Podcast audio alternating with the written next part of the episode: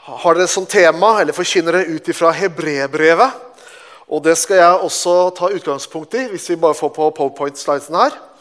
Så leser jeg fra hebreerbrevet, kapittel eh, 6, vers 13 til 19. ok? Der står det, og det er litt lang tekst, men vi skal komme oss gjennom det. For da Gud ga løftet til Abraham, sverget han ved seg selv, siden han ikke hadde noe større å sverge ved. Og han sa, 'Sannelig, jeg vil rikelig velsigne deg og rikelig mangfoldiggjøre deg.'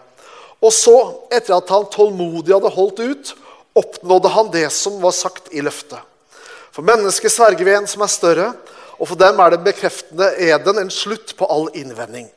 Siden Gud var enda mer fast på bestemt på å bevise for løftets arvinger hvor uforanderlig hans plan er, gikk han imellom og stadfestet det med en ed. For at vi ved to uforanderlige ting som bekrefter at det er umulig for Gud å lyve, kunne ha en sterk trøst, vi som har søkt tilflukt ved å gripe det håpet som er satt foran oss.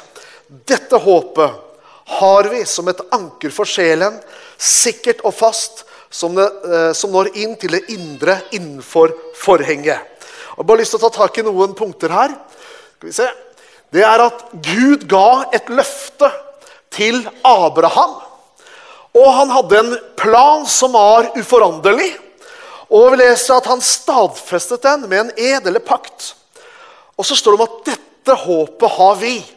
Så her er det en forbindelse mellom Abraham, hans etterkommere, mellom Gud og oss som har et evig håp. Og det er i grunnen det jeg skal preke om, eh, hvor jeg går videre fra romerbrevet. Og dette med Israel det er jo sånn at og Nå må jeg bare være ærlig med dere, og det skal jeg være hele prekena. jeg pleier å si det sånn at uh, høsten er stor, arbeiderne er få, men meningene de er mange. Og sånn er det også når vi kommer til Israel. Og Noe av vår utfordring i dagens Kirke-Norge det er i grunn hvis Jeg tør å på, jeg kommer ofte med påstander, altså, så det tør jeg. Men jeg våger å påstå at utfordringen i dag det er at i våre kirker og i våre menigheter så har vi ikke noe teologi, var ingen substans av lære når vi kommer til dette med Israel og det jødiske folket. Hvis du bare hører på NRK, så vil du få din oppfatning. Hvis du er på utdanningsinstitusjonene, så vil du få din oppfatning. Og ofte så berører vi ikke så mye med dette med Israel i våre kirker og menigheter. Og det er jo litt rart. Hvorfor det? Jo, fordi Israel er det navnet i Bibelen som er nevnt flest ganger etter Gud og Herren. 2465 ganger er navnet Israel nevnt i den boka her. Og Da er det opplagt at Gud har noe med å si omkring dette folket. Eh, og det kan man si, ja, Historisk så er det det, men det er jo sånn i dag også. For Bibelen taler også om vår samtid i dag. Eh, jeg skal eh, preke ut ifra, eller forkynne ut ifra ja, nå, nå hopper jeg litt her. Vi gjør som best vi kan her. Bare for å gi det store bildet. Jesus han sier i Johannes kapittel 4 og vers 22 Frelsen kommer fra jødene. Og Legg merke til hva Jesus sier her. Han sier ikke at frelsen kommer fra jøden. Han sier fra jødene. Altså Jesu forståelse og Bibelens forståelse at Gud bruker dette folket. Ikke bare, ikke bare Jesus, selv om det er han som er sentrum, det er han som er Guds sønn. Det er han som troner.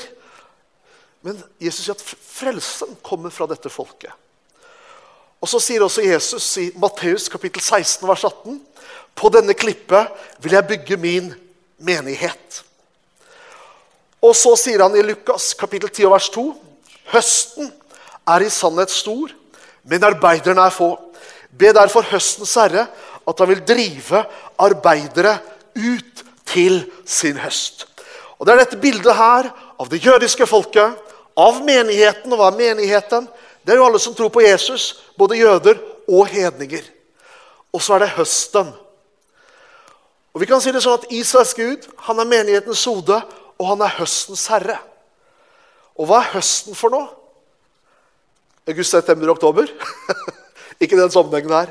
Høsten i bibelsk sammenheng, det er alle menneskene, det er alle sjelene som Gud vil høste inn og redde for evigheten.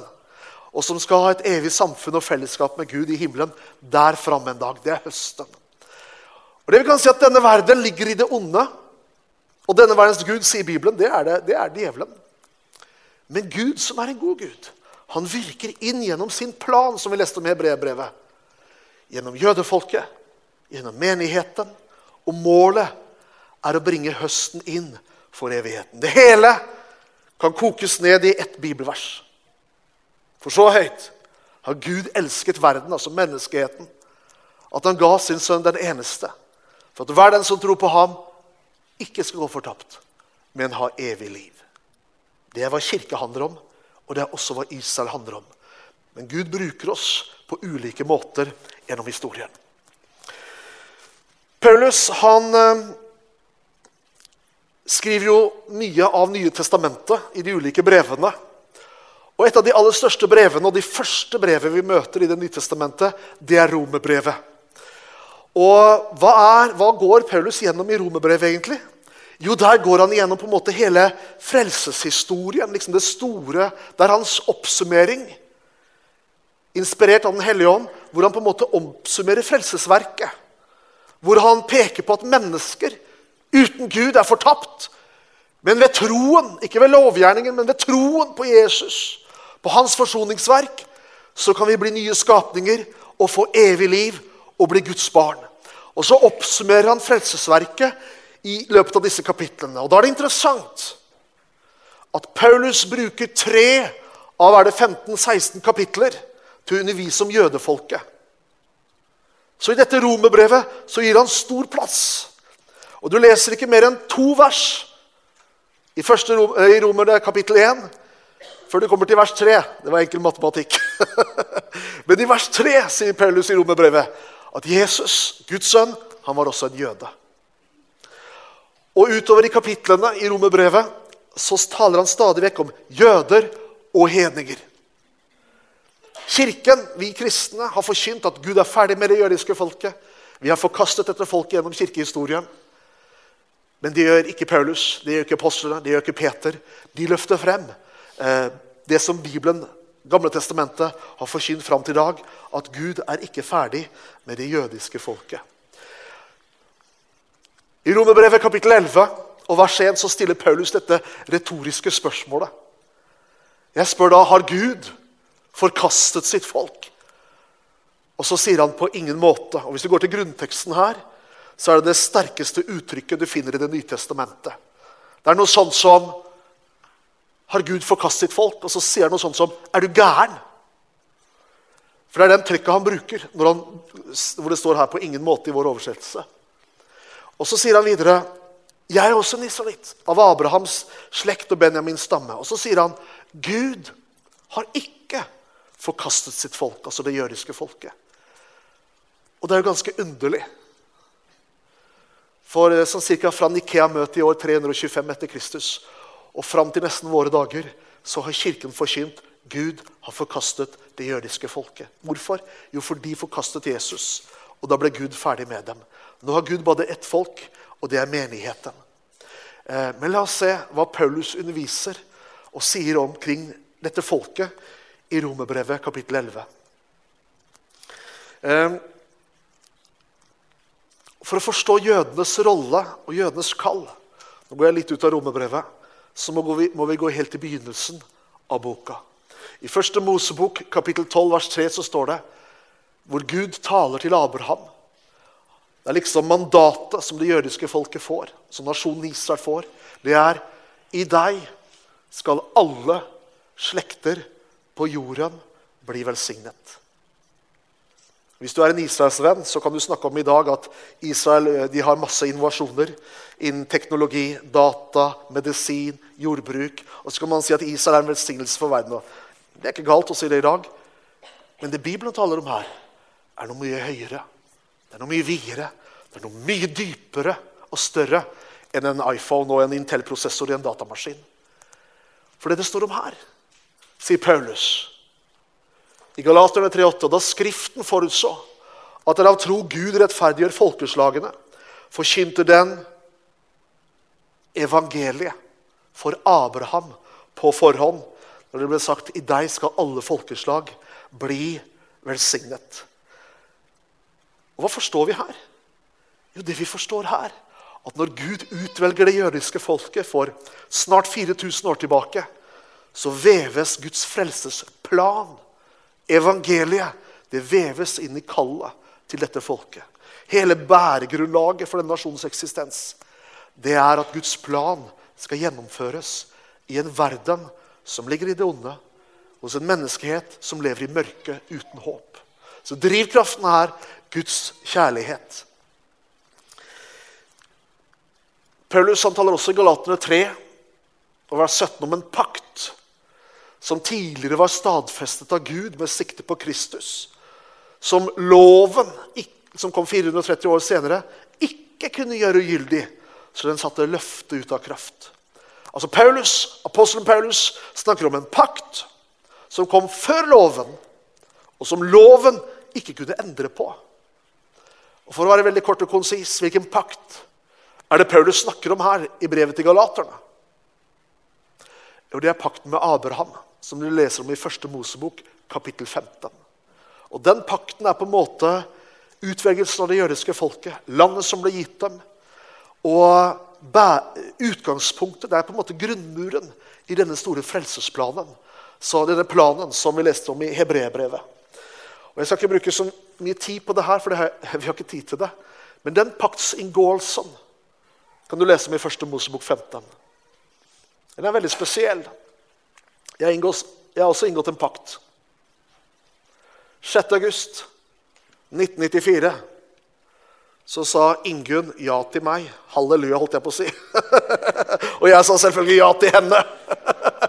det var en ekte pakt. Vi ga hverandre vårt ja, ikke sant? og så ble pakten inngått. I den nye pakt så er det sånn at Jesus har gjort verket, men du må ta imot. Av nåde er dere frelst ved tro. Din respons for å bli fordel i den nye pakten er at du tror på Jesus og bekjenner ham. Mens pakten Gud inngikk med Abraham og det jødiske folket, den er helt annerledes. For det var altså ikke Abraham, det var ikke jødefolket som inngikk en pakt med Gud. Abraham sov når det her skjedde.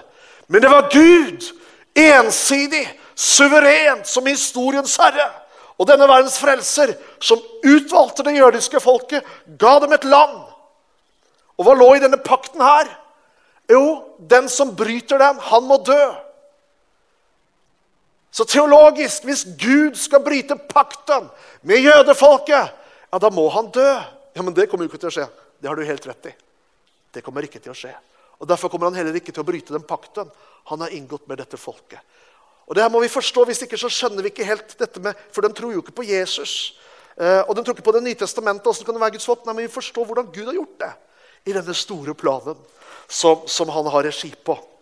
Og det som har vært hovedutfordringen for oss som kirke i møte med det jødiske folket, det er at jødene korsfestet Jesus. Under påsken, gjennom årene, og gjennom historien, så var det veldig ofte sånn at kirken gikk i prosesjon i gatene med kors og sang påskesanger, sang om Jesu død og oppstandelse, og så forfulgte man jøder. Historien har ikke tall på hvor mange jøder som er drept pga. kirkens syn og forkastelse av det jødiske folket. Jeg har ikke tid til å gå gjennom det i dag, men, men den historien er det mørkeste kapitlet i vår historie som menighet og kristne. De som ga oss frelsen, de som ga oss Bibelen, er de som vi har forfulgt mest. Og I våre dager så er det ikke forfølgelse, men det er kanskje ignoranse. Man sier at dette med Israel ja, det er et tema for spesielt interesserte. Det har ikke noe med meg å gjøre. Men det er ikke hva Skriften sier. Bibelen sier at når ditt ord åpner seg, da gir det lys. Og Det vi behøver i våre dager i 2019 som kirke og menighet, det er åpenbaring om hva Bibelen sier. Ikke bare når det gjelder Israel, men det gjelder hele Guds råd. At de får en forståelse hva sier Guds ord. Og jeg tror at Guds ord det er første kapittel, det er fra første kapittel i første Mosebok til siste kapittel i Johannes' åpenbaring. Jeg liker ikke når folk snakker om Det gammeltestamentets Gud som om det var en annen en. Bibelen sier hos han finnes det ingen skiftende skygge. Han er den samme til evig tid. Og Det er noe av det fantastiske her. For når du ser på Isas historie og eksistens i dag, så skjønner du at Gud er en Gud som står ved sitt ord. Han er trofast. Han kan jeg stole på fordi han er historiens herre. Det er ikke bare tatt ut av en sammenheng og en kontekst, Men han åpenbarer seg gjennom historien som en Gud som er kjærlighet, som er trofast, og som er med oss alle dager. Men tilbake til dette med jødene og Jesus. Og det her Jeg ønsker å gi deg et perspektiv og en forståelse som du kanskje ikke har tenkt på tidligere, men som Paulus tar opp fem ganger. Fem ganger tar Paulus opp det vi skal snakke om nå, i Romerbrevet 11. I ett kapittel. Så Det er som om han understreker med rød tusj det vi skal snakke om nå. Jeg sier Har de snublet, altså jødene? Har de forkastet Jesus for at de skulle falle? Og Så svarer Paulus igjen på ingen måte. Men ved jødenes overtredelse er frelsen kommet til hedningefolkene. Og den kan du tygge litt på. Jødene falt fordi at du skulle få muligheten til å bli reist opp. De sa nei fordi at du skulle få muligheten til å si ja. Han sier det igjen i vers 12. Hvis nå jødenes fall er blitt til rikdom for verden Det er ganske underlig. Det at de korsfestet Jesus, det at de opererte i ulydighet, det ble til velsignelse for deg og meg. Jeg er så takknemlig for dette folket. For uten det folket her så hadde dattera mi Camilla på 11 år, eller 12 år vært på vei til evig fortapelse. Sønnen min Philip hadde levd i mørket. Og jeg vet ikke hva som hadde skjedd med sønnen min Mikael på 20 år. Men ved dette folket så er familien min frelst. Og Det er derfor Paulus sier, 'Vi, du, står i gjeld til dette folket'. Vers 15.: For om jødenes forkastelse er til forlikelse eller forsoning for verden. I vers 28.: Ifølge evangeliet er jødene fiender. Hør nå. For deres skyld. Det fins ingen kristen som kan si at dette med Israel har ikke noe med meg å gjøre. Jo, jo, de ble fiender av Jesus for din skyld. Men ifølge utvelgelsen er de elsket for fedrenes skyld. For Guds nådegaver og kall kan ikke tas tilbake. Ofte når vi refererer til det verset her, at Guds nådegave og kall ikke kan tas tilbake, så er det veldig ofte i sammenheng av forkynnere, eh, ledere, kristenledere som har falt i synd eller begått synd. Og så kommer vi med dette ordet, og det gjelder jo oss også, selvfølgelig. At Guds nådegave og kall kan ikke tas tilbake. Men konteksten Paulus underviser om dette om, det er utvelgelsen av det jødiske folket. Og hva handler dette om? Jo, han har en plan som han holder seg til. Han er en historiens herre som gjennomfører det han har sagt. Gud har ikke en A-plan og en B-plan, og plutselig kommer det noe på, som nummer tre. Nei, han gjennomfører det han har sagt. Han er suverent Gud. Og Så står det videre i vers 30.: For på samme måte som dere en gang var ulydige mot Gud, men nå likevel har fått hør nå, har fått miskunn ved deres ulydighet. Wow! Vi har fått nåde, vi har fått frelse, vi har fått miskunn ved at de var ulydige. Det her har ikke Kirken skjønt i 2000 år. Ikke før i våre dager er det en bevegelse av kristne over hele verden i ulike kirkesamfunn som kommer til en forståelse Oi, vi står jo Vi er kalt til å velsigne dette folket. Vi er kalt til å velsigne alle mennesker. Gud elsker alle mennesker like høyt. Til og med svensker, holdt jeg på å si. Det er ikke sånn at Gud er glad i jødene, mens arabere og muslimer Nei, sånn er ikke Gud. Mennesker kan være sånn, men Gud er ikke sånn. Gud elsker alle mennesker like høyt. Kan jo si et lite amen til det. For Hvis ikke så hadde det ikke vært så mye håp for noen av oss. Men hans kjærlighet er grenseløs, den er betingelsesløs. Det er agapekjærligheten som er annerledes enn alle annen type kjærlighet. Og det er også drivkraften. Det er derfor han utvalgte dette folket. For han elsket menneskeheten. Han måtte gripe inn i historien for å nå oss med de gode nyhetene med evangeliet. For at Guds forsoningsverk skulle finne sted. På samme måte, på, Ikke på samme måte, men vi kan si at jødefolket, når de korsfestet Jesus, de ble en prest for verdens nasjoner og folkeslag. Hva var det presten gjorde i gamle pakt, i tempel og tabernaklet? Jo, han bar fram ulike ofringer. Takkoffer, fredsoffer, soneoffer, skyldoffer osv. Profeten han talte på vegne av Gud til folket, mens presten han kom på vegne av folket framfor Gud. Og det var nøyaktig det jødefolket gjorde. Når de ropte 'korsfest, korsfest', så ble de som en prest for menneskeheten. Hva sa Johannes når han så Jesus? Han kunne sagt, 'Se, der er han som gjør under og tegn'. Se, der er han som er den lovede Messias. Hva var det første Johannes sa når han så Jesus? Han sa, 'Se der er Guds lam som bærer verdens synd'. Jesus kom som et sonoffer, som et, som et eh, skyldoffer for dine og mine synder. Og jødefolket var redskapet Gud brukte for at han skulle bli et offer. Tenk! Tenk om jødene hadde sagt at Wow! Han er Messias! Mashiach! Han som vi venter på! Kongen! Vet du hva som hadde skjedd da? Da hadde vi vært fortapt. Da hadde vi vært fortapt.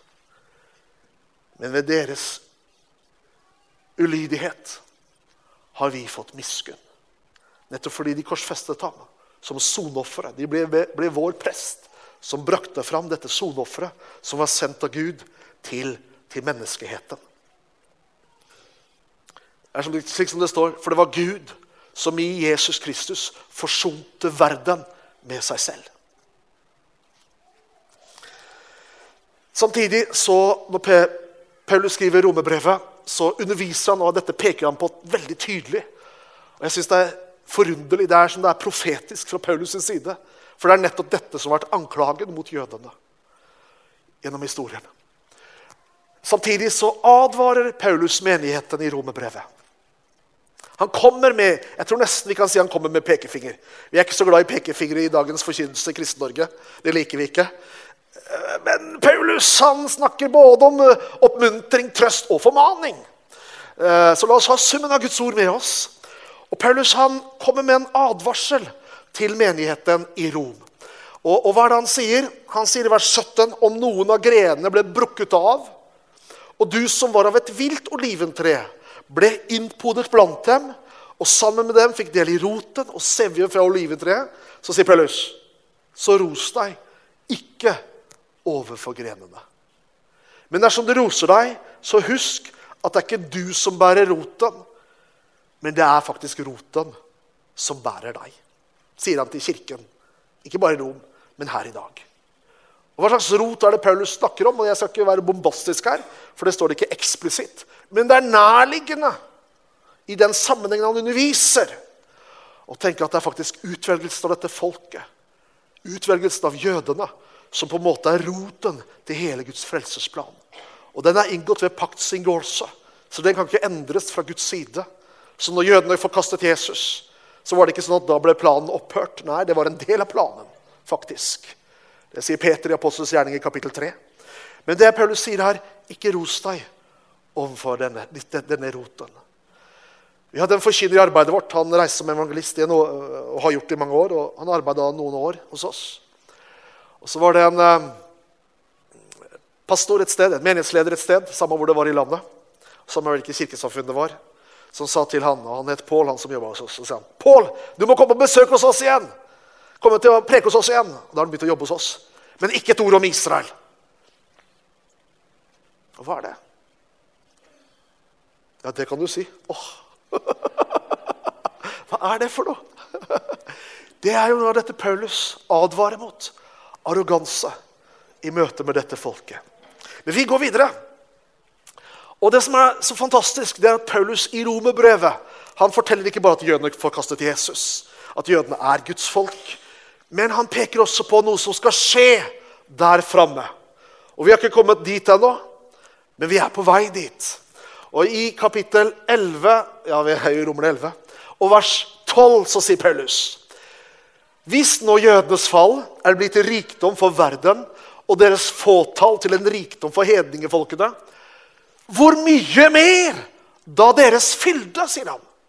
Altså Det at de forkastet Jesus, det ble til velsignelse for menneskeheten.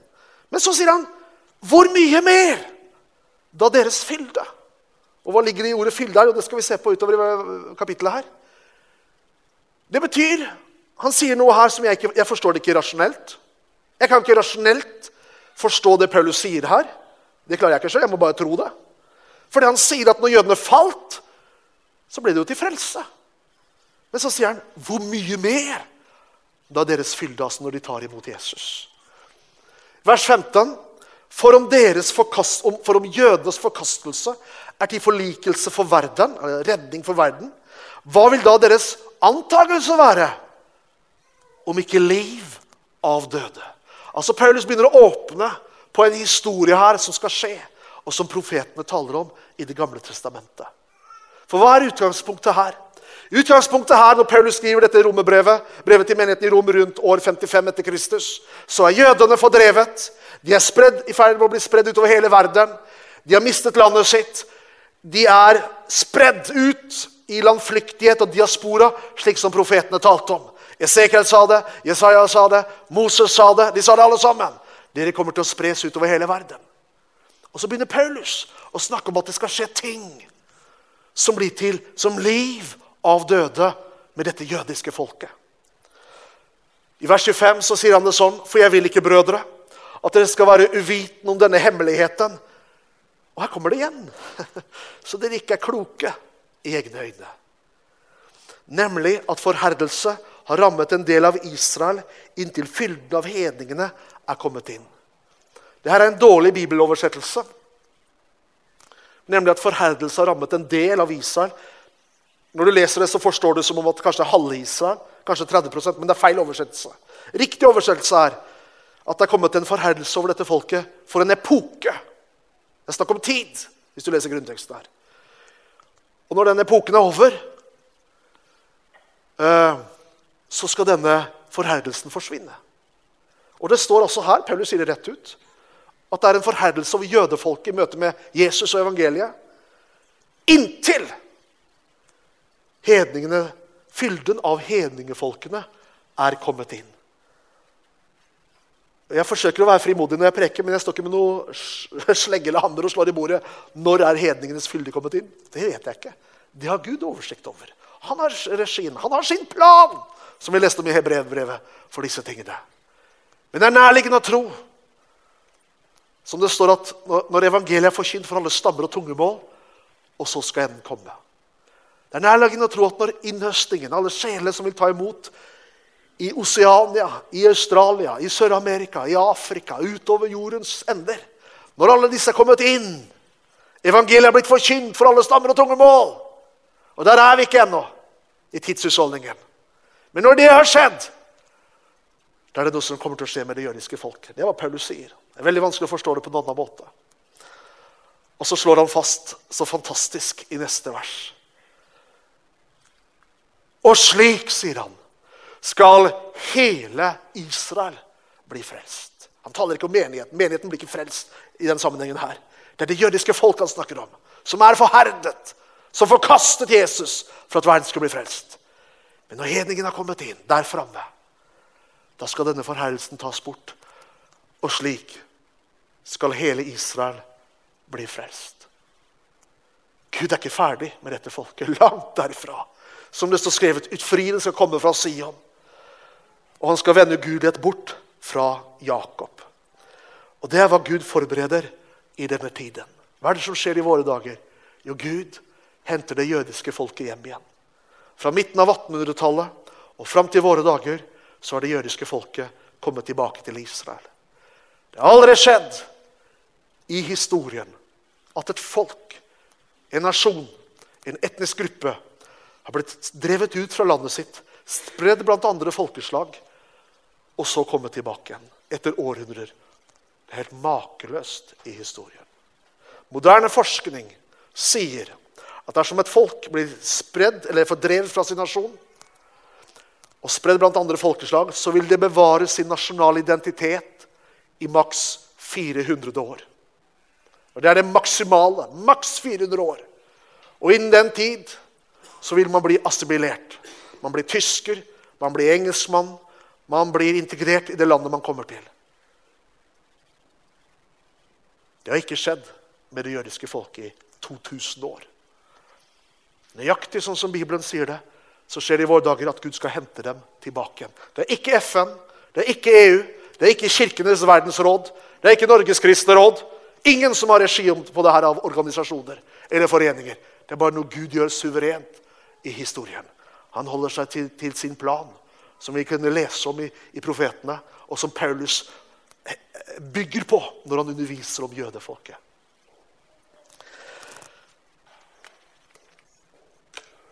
Det er mulig. Jeg skal spørre, spørre Paulus når jeg møter han en dag. Jeg påstår det ikke, men det er mulig at når Paulus underviser om jødene i Romerne 9, 10 og 11, så er det mulig han lurte på Gud. Hvorfor måtte mitt folk forkaste verdens frelser og den lovende Messias?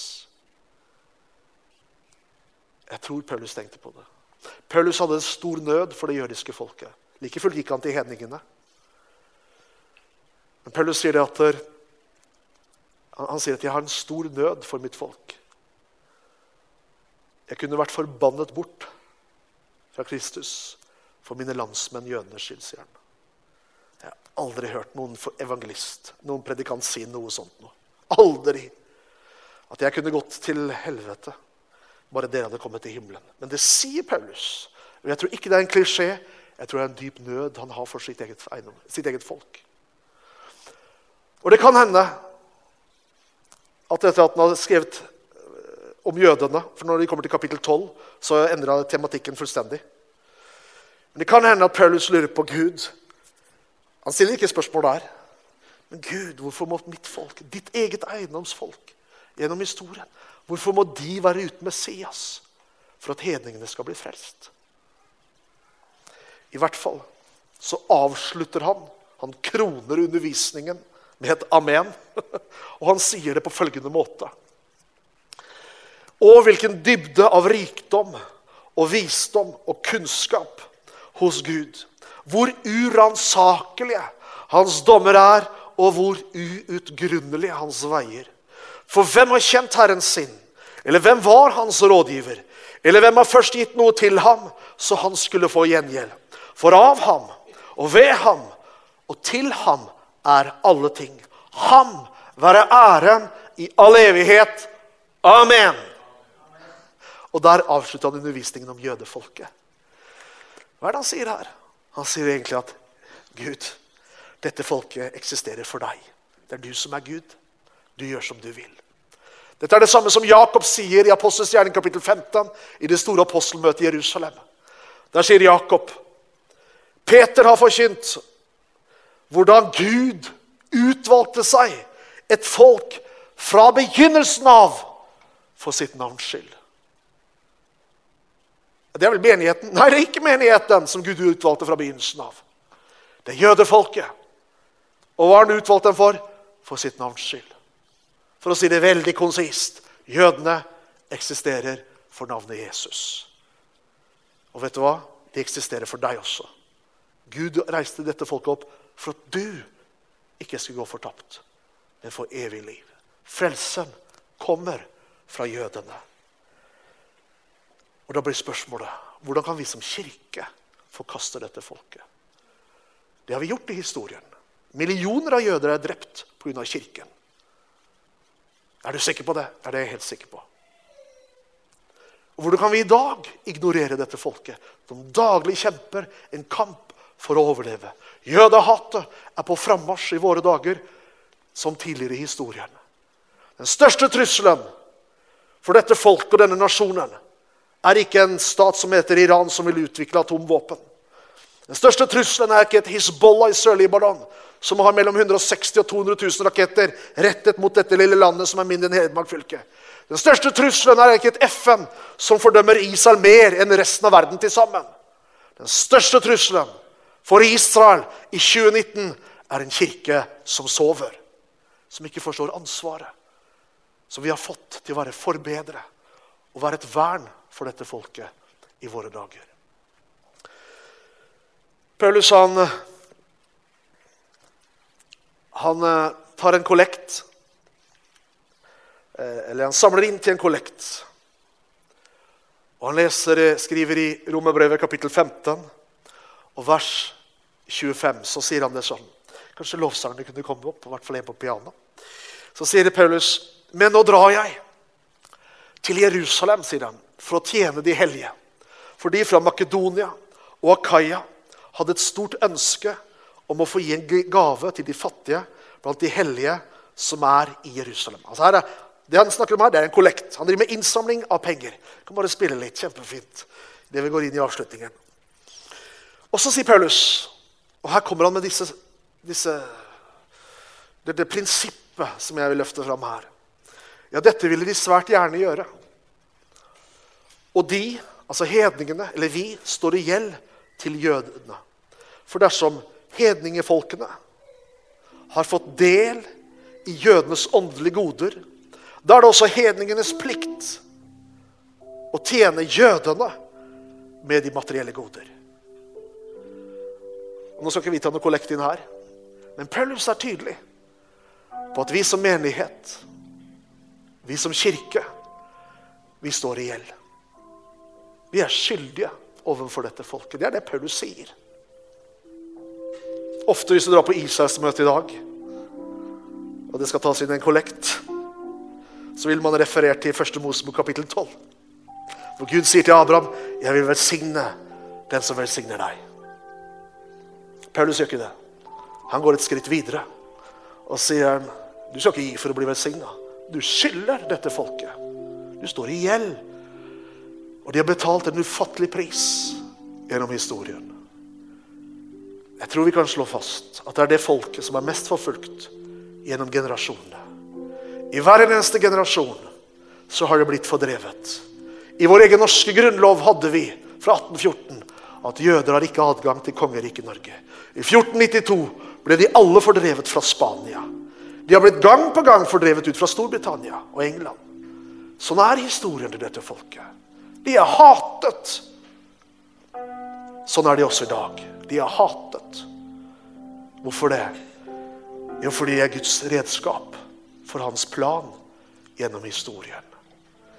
Og da kan ikke vi som kirke, vi kan ikke som menighet ignorere eller være arrogante i møte med dem. Gud kaller oss som menighet i dag til å elske dette folket. Velsigne dem. Vi er kalt til å elske alle mennesker. Arabere også, muslimer også, som jeg sier. Men de det som er annerledes med Israel, det er ikke at Gud elsker dem mer, men de er utvalgt i hans plan på en måte som er helt annerledes enn alle andre folk og nasjoner. Og den siden må vi som kirke og menighet forstå. Og jeg tror Gud vekker sin menighet i våre dager til å stå opp sammen med dette folket. Be for dette folket. Derfor er det så vanskelig at i dag er det en generasjon ungdommer som vokser opp. Tusenvis av ungdommer, og vi møter på dem overalt. Kristne ungdommer, herlige ungdommer, brennende ungdommer. Men de hører aldri noe om disse tingene. De hører bare hva NRK, TV 2 og verden roper om disse tingene. Eller dette folket. Og her må vi be Gud hjelpe oss. Det står i Johannes' åpenbaring at den som har øre å høre med, han hører hva Ånden sier til menigheten. Og jeg tror oppriktig at noe av det Gud taler til oss om i de våre dager, det er hva Bibelen sier om Israel og det jødiske folket. Skal vi få fram lovsangene? Skal vi reise oss opp? Skal vi be sammen? Bare spill, du. Himmelske Far. Vi takker deg for at du er en sånn underfull. Du er en trofast Gud. Og vi bare takker deg, Herre, for at du fridde oss ut fra mørkets makt. Og du satte oss over i din elskede sønns rike. Herre, vi takker deg for frelsen. Vi takker deg, Jesus, for at du ga ditt liv. Du lot ditt blod renne for våre synder. Og det var våre synder som du naglet til korstreet, Herre. Skyldbrevet som sto oss imot, det naglet du til korstreet, Herre. Og vi takker deg, Jesus, for at du er døren til Faderen. Du er døren til fred med Gud. Det er døren til legedom og helse, opprettelse, og at vi kan bli nye skapninger i Kristus Jesus. Vi erkjenner også at uten jødene så hadde vi vært fortapt. Uten jødene hadde ikke vi som kirke eksistert. Derfor så takker vi deg i dag, Gud, for at frelsen kommer fra jødene. Derfor ber vi om fred for Jerusalem. Derfor vi om det, dine planer for dette folket. At du henter dem hjem til Sion, som profetene sier. Hjem fra Amerika, hjem fra Europa, hjem fra Norge. Du henter dem hjem, Gud, til møte med deg, Herre. Og gi oss nåde som kirke. Gi oss nåde som menighet til å være den som du har kalt oss til å være. Til å være en velsignelse. Til å være vektere på Jerusalems murer. Som ikke tier verken dag eller natt, men som ber til deg som hører bønnen, Gud. Vi ber for Jerusalem, vi ber for Israel. Vi velsigner denne nasjonen. Beskytt dem fra alle fiendens forsøk på å utslette dem. Vi ber for våre messianske brødre og søstre, jødene som tror på Jesus. Vi velsigner dem, Gud. Gi dem styrke og kraft, far. Vi ber for araberne, de arabiske kristne i Israel. Styrk dem, Fader. Vi ber for de kristne utover hele Midtøsten, Herre. Styrk dem, Gud. Midt i all forfølgelse, midt i all ondskap, gi dem nåde og hjelp i rette tid. Og så ber vi også for den muslimske verden, far. Takk at det folket som bor i mørket, skal se et stort lys. Vi ber om at ditt navn skal løftes høyt opp i Midtøsten i dag. Og at millioner av arabere skal vende om og bli født på ny og få evig liv. I Jesu navn.